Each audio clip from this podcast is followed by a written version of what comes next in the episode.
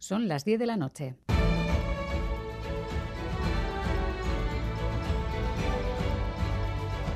Radio Euskadi y Radio Vitoria. Servicios informativos.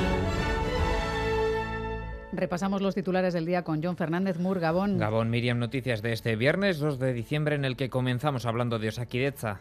Dos ceses en la OSI de Donostialdea, con dos ceses en apenas 24 horas. Osakidecha cesa Itziar Pérez, directora gerente, y a Idoia Gurruchaga, directora médica. Son dos que se suman a otro cese más y a otras dos dimisiones en las últimas semanas. La gerente Itziar Pérez dice que ha sido cesada por no estar alineada con el Departamento de Salud. En eh, su apoyo, una treintena de jefes de servicio y supervisores de esta OSI se han concentrado ante las puertas del Hospital Donostia. Hablan de un nuevo paso atrás en la gestión de Osakidecha que tachan de ciega y alejada. Subrayan asimismo que se trata de una imposición y de que, lejos del diálogo, Osakidecha sigue con su política destructiva. Contra la privatización de Osakidecha, cientos de personas se han manifestado hoy desde el Hospital de Basurto en Bilbao. Unas 500 personas que han denunciado en lo particular el empeño de la consejera Sagardui en cerrar la cirugía cardíaca de este centro y trasladarla a Cruces y en lo general el camino a la privatización de Osakidecha. Escuchamos las valoraciones de los sindicatos UGT, ELA, SATSE, Comisiones Obreras y LAB. ¿Dónde va Osakidecha ahora? Eh,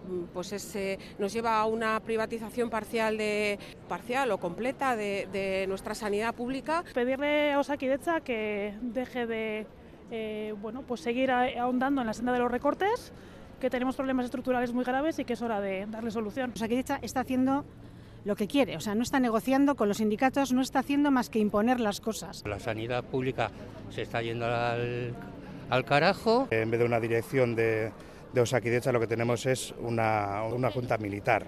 El paro ha bajado en noviembre en la comunidad autónoma vasca. 3.600 afiliados más a la seguridad social en Euskadi, que está ya a menos de 7.000 personas del millón de cotizantes. Y Doya Mendía, vicelendacari. Que noviembre suele ser un mes irregular en el empleo. Sin embargo, en esta ocasión ha vuelto a bajar el paro. En todos los territorios, en todos los sectores, en todas las franjas de edad y entre los hombres, pero muy especialmente entre las mujeres. Es la cifra de paro registrado más baja desde el mes de enero del año 2009. Pero además ha subido la afiliación. Uno de los sectores que más empleo ha creado este mes de noviembre ha sido el comercio. El Endacari ha anunciado hoy un nuevo proceso para controlar el cobro de cuotas en los centros educativos concertados. Podrá haber cuotas, sí, pero recordaba el Endacari que deben ser únicamente por servicios no obligatorios, es decir, transporte o servicio de comedor, por ejemplo. En ningún caso cuotas por el servicio educativo como tal. Íñigo Urcuyu. Vamos a adoptar medidas para reforzar el control de las cuotas. Primero, estamos realizando un inventario para identificar en detalle qué tipo de cuotas se están cobrando y autorizar únicamente aquellas cuotas que sean no educativas. Y segundo, vamos a publicarlas en la web para que quien matricule a su niño o niña en un centro sepa qué tipo de cuotas cobra y cuál es su finalidad. Serán cuotas voluntarias por servicios no educativos. Respuesta en Gámbara de José Luis Uquía, director de Icastol en el Cartea, pide al Gobierno vasco que financie esa parte educativa que no pueden cobrar a través de cuotas. Para autorizar las cuotas no educativas, lo que el Departamento de Educación y el Gobierno vasco tiene que hacer es financiar la parte educativa de las Icastolas, lo que en estos momentos hoy en día no ocurre. Eso eh, lo saben tanto el Departamento de Educación como los partidos políticos que, que lo.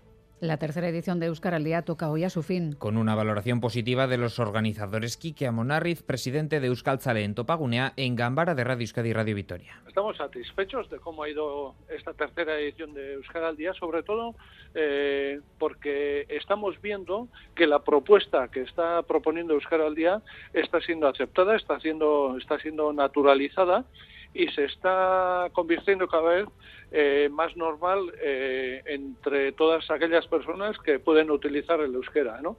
Y hoy viernes arranca un macropuente. Por los festivos del 6 y 8 de diciembre, eso sí, hay más gente que se marcha de vacaciones de la que va a venir a visitarnos a Euskadi. No están contentos de momento en hoteles y casas rurales de nuestro país, con ocupaciones en muchos casos inferiores al 50%. En cambio, mucho movimiento en el aeropuerto de Loiu. Pues nos vamos a Barcelona de turismeo, a salir un poco de fiesta y pues a ver de turismo, a ver Barcelona. Un tiempo no, no sé si va a ser bueno, pero si hiciésemos ir, pues ir a la, ver la playa, porque al final como estás en la costa, no sé, salir un poco de fiesta, conocer gente, conocer la cultura de allí. Me voy pues por un concierto que vi que venían y me gusta mucho y dije no me lo puedo perder. Y eh, son dos grupos de metal, de, de black metal, eh, uno MGLA y otro Ultrate. son así pequeñitos, pero están guay, muy guay. Ahorita voy a Madrid, voy a visitar a unos amigos y a unos familiares. Hay más de mil operaciones previstas en el aeródromo vizcaíno. El Departamento de Seguridad pide especial precaución en la Vizcaya 604 en Erandio, sentido Bilbao. Hay un carril cortado en este punto por un accidente entre tres vehículos. Así terminamos. Más noticias en una hora y en todo momento en itv.eus. Arte. EITV, tu grupo de comunicación.